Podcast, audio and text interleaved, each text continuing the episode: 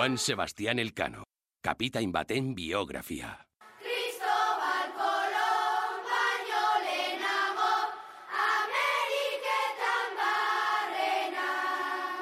Zortzigarren kapitulua. Espezien uarteak. Abestiak eta gongen musika etengabea entzun ondoren, hainbat arraunontzi ikusi zituzten gerturatzen, eta denen aurretik almanzor erregearen ontzi ederra. Arraunontziek bira eman zuten bi itsasontzien inguruan, eta kapitainak bateletan atera ziren, beren aitortza adieraztera. Almanzorrek bere ontzira igoarazi zituen, eta haren ondoan eseri ziren berrogeita bost urte inguru izango zituen eta zetazko eguzkitako baten azpian eserita zegoen. Atorra fin-fina zeraman, urrez brodatutako maukekin eta gerrialdetik oinetara zapiluze bat zuen jantzita eta unutsik zegoen. Zetazko belo bat zuen buruari lotuta eta beloaren gainean, lorez egindako girnalda bat. Erregearen aurrean, seme bat zegoen, errege makilari eutxiz, eta bi mirabek urez betetako urrezko edalontziak zituzten eskuetan, bai eta urre koloreko kutsa txikiak ere, belarrez beteta, eta erregeak belarrura mastekatzen zuen etengabe. Erregea arkesandako hitzak betiko geratu zitzaizkion memorian gordeta Juan Sebastiani. Duela bi urte, ametxetan ikusi nuen itsasontzi batzuk etorreko zirela urruneko erresumetatik. Gerora, ilargiak eta izarren ibilkerak berretsi zitaten, errege handi batek bidali zintuztela, gure lurraren bila. Beraz, ni zuen erregearen basailu izango naiz. Almanzor erregea ontzi nagusira gonbidatu zuten. Kapitainaren kamarotean sartua alizateko burua makurtu behartzuen, eta hori erregearen iraingarria zela iritzita sabaian egindako zulo batetik sartu zen.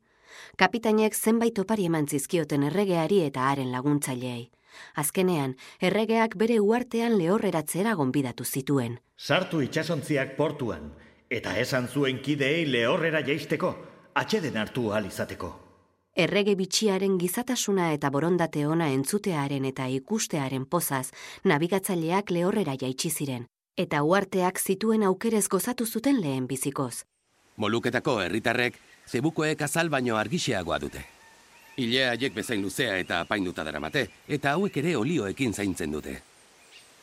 Almanzorrek berreun emakume dituela diote, eta hogeita sei seme alaba izan dituela. Nola nahi ere, erregina bakarra da, eta haren ondorengoak soilik izango dira errege egunen batean. Gainerako emakumeak, hoe lagunak baino ez dira. Egun batzuk geroago, Juan Sebastian eta eskribaua almanzor erregearen etxera joan ziren karbailok lagunduta, ark egingo baitzituen malaisieraren itzultzaile lanak.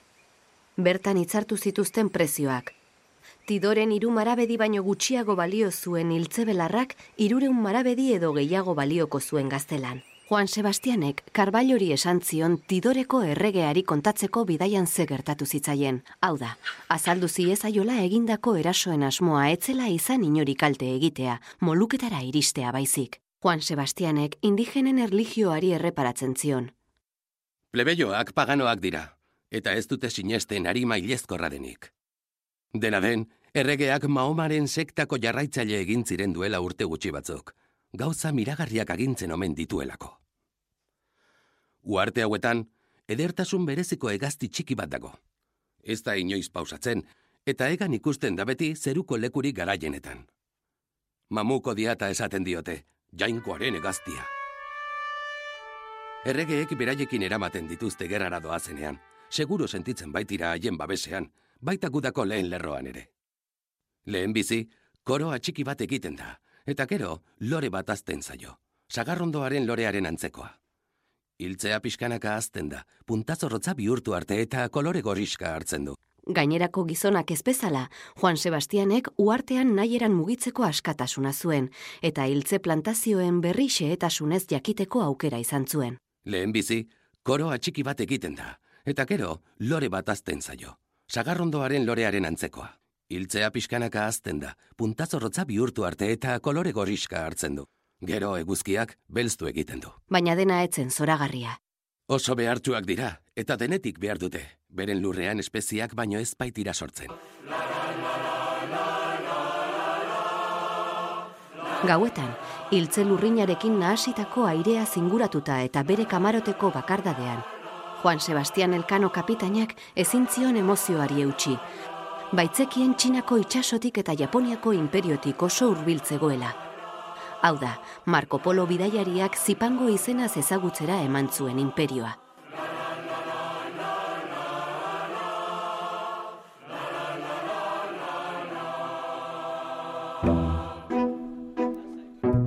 Almanzor erregeak salgaiak jasotzeko eta trukea errazteko etxe handi bat eman zigun.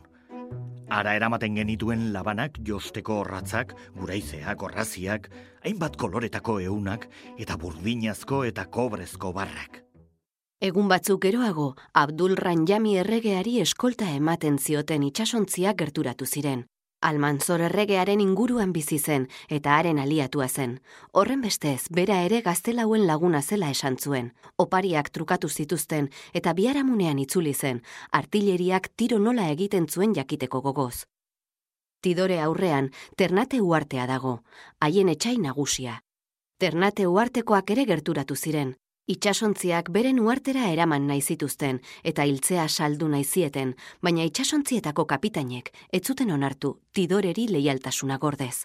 Egun hartan bertan, Almanzor erregearen gonbidapena jaso zuten.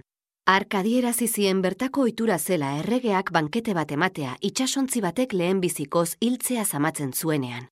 Esan zien otorduan zeruari erregutuko ziotela, etxera zoriontsu itzul zitezen. Baina zebun ze gertatu zen gogoratuz, kapitainek ez zuten gonbidapena onartu. Pigafeta kronistak onela deskribatzen du eszena hura. Musika entzuten genuen, gero eta gertuako, ontzi eder bat zen. Albo banatan, hiru arraunlari hilararekin, eun eta hogei gizon guztira. Timbalek markatutako konpasean, arraunei bultzaka. Luma zuri, hori eta korriko banderekin apaindurik zegoen, eta bertan zetorren, handi gertu zegoen bakan uarteko erregearen anaia. Almanzorren alaba batekin ezkontzera. Itxasontzien inguruan bira emanez agurtu zituzten, eta itxasontzietatik zenbait tiro eginez erantzut zieten. Emazte gaia, ia ezintzen mugitu, oinetara arte lotuta baitzegoen. Hain zuzen ere, senarrak askatuko zizkion begizta eta lotura guztiak. Nahiko motelari ziren hiltzea zamatzen, izan ere, sasoi hartan tidoren etzegoen behar beste hiltze idor, eta beraz, beste uarteetatik ekarri behar zuten. Neguko montzoiak hasiak ziren mendebalderantz, Afrikarantz jotzen zuten aizeteekin, eta kapitainek haiek baliatu nahi zituzten. Traizio egingo zieten beldur ziren kapitainak, eta horren bestez, itxasoratzeko asmoaren berri eman zioten erregeari, itxasontziak guztiz zamatu ez zituzten arren, almanzor nahi gabetuta agertu zen. Kapitainak, ikaratuta nago bapateko aldaketa honekin. Uste baikenuen benetako laguna ginera, adiskide leialak? Juan Sebastianek erantzun zion, etxera itzultzeko garaia pasatzen ari zelako abiatu nahi zutela. Ez erregearen laguntasuna zalantzan jartzen zutelako, baina azalpenak ez zuen erregea gogobete. Nik, gaztelako erregearen itxasontziak zamatu nahi ditut. Eta horregatik, beste amabostegun itxaroteko eskatzen dizuet, ez gehiago. Koranaren gainean zin egingo dut. Beste leku batzuetan egin dizkizueten traizioek sortutako errezeloak gainditzeko. Almanzor erregearen kemenak atzera eginarazi zien Espinosari eta Juan Sebastiani, ez baitziren ausartu errege lagun batekin aserretzera. Hala, erregeak bere korana ekartzeko agindu zuen. Eskuak haren gainean eta azpian jarri zituen lehen bizi, eta gero eskuak burura eta bularrera eramanez, bakea eta adiskidetasuna agindu zituen. Irmo eusten diogu gaztelako gure jaun enperadorearen eta erregearen izenean, Almanzor erregearekin egin dugun bake eta adiskitetasun akordioari. Juan Sebastianek Espinosak eta Ponzeroni maixuak berriz, gurutze bat hartu zuten eta arekin egin zuten zina. Erregeak sei gizon eta zenbait artilleria pieza uartean usteko eskatu zien. Lau lombarda, kainoi harin bat eta kainoi astun bat eskaini zizkioten, eta bertan zein gizon geldituko ziren seinalatu zuten. Abenduaren lauan, gauean, Santa Barbararen jaia ospatu zuten. Su artifizialak bota zituzten, beren zaindariari eskerrak emateko. beren ofizioko hainbeste gizon hiltzen ziren gertaeretatik bizirik atera zirelako. Beraz, zamaketa lanak amaituta, Trinidad eta Victoria itxasontziak prest zeuden bidaiarekin jarraitzeko. Bi edo hiru hilabetez, negunko montzoiaren aizeek mendebalderantz bultzatuko zituzten itxasontziak. Afrikarantz. Beraz, esperantza honeko lurmuturrera nabigatzea etzen kapitainek naita hartutako erabakia izan, derrigorrezko ibilbidea zen. Urte sasoi horretako aizen nagusiek ematen zuten aukera bakarra. Ezin zuten denbora gehiago galdu. Bai baitzekiten Portugaldarrak atzetik zituztela. Ordezko belak josi zituzten eta jakueren gurutzea marrastu zuten haietan. Azkenean abiatu ziren bi itsasontziak, baina pozaren ondotik laster etorri zen naigabea. Trinidad itsasontzian ur mordoa sartzen zen eta ezin zuten ur ponpazatera. Honela idatzi zuen gutun batean Ponzeronik Trinidad itsasontziko maisuak. Abiatu nahi izan genuenean, Trinidad itxasontziak lau harrako zuloa zuela ohartu ginen, eta ezin genuen estali, ez barrutik, ez kanpotik. Azkenean, Victoria itxasontzia aurrera bidaltzea erabaki genuen, denborarik galdu etzezan, eta erregeari gertatutakoaren berri eman ziezaion.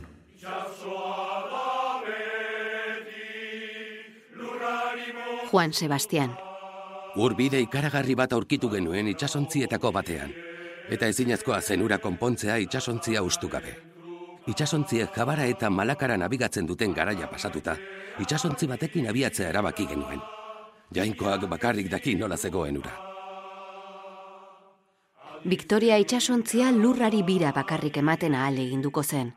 Juan Sebastianek arduraz, Victoria arintzeko agindu zuen. Iru mila kilo hiltzea atera zituzten bertatik. Ordura arte sekula etzen egin espezien uarteetatik zuzenean Espainiara arteko bidaia.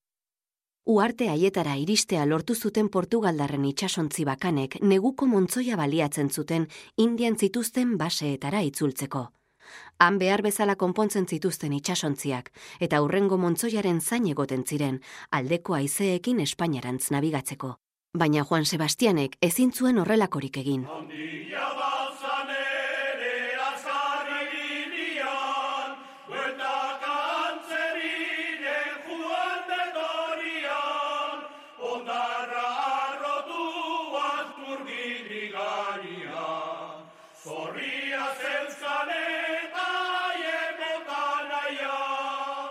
Itsasontzi bakarra zuen oso kaltetuta gainera.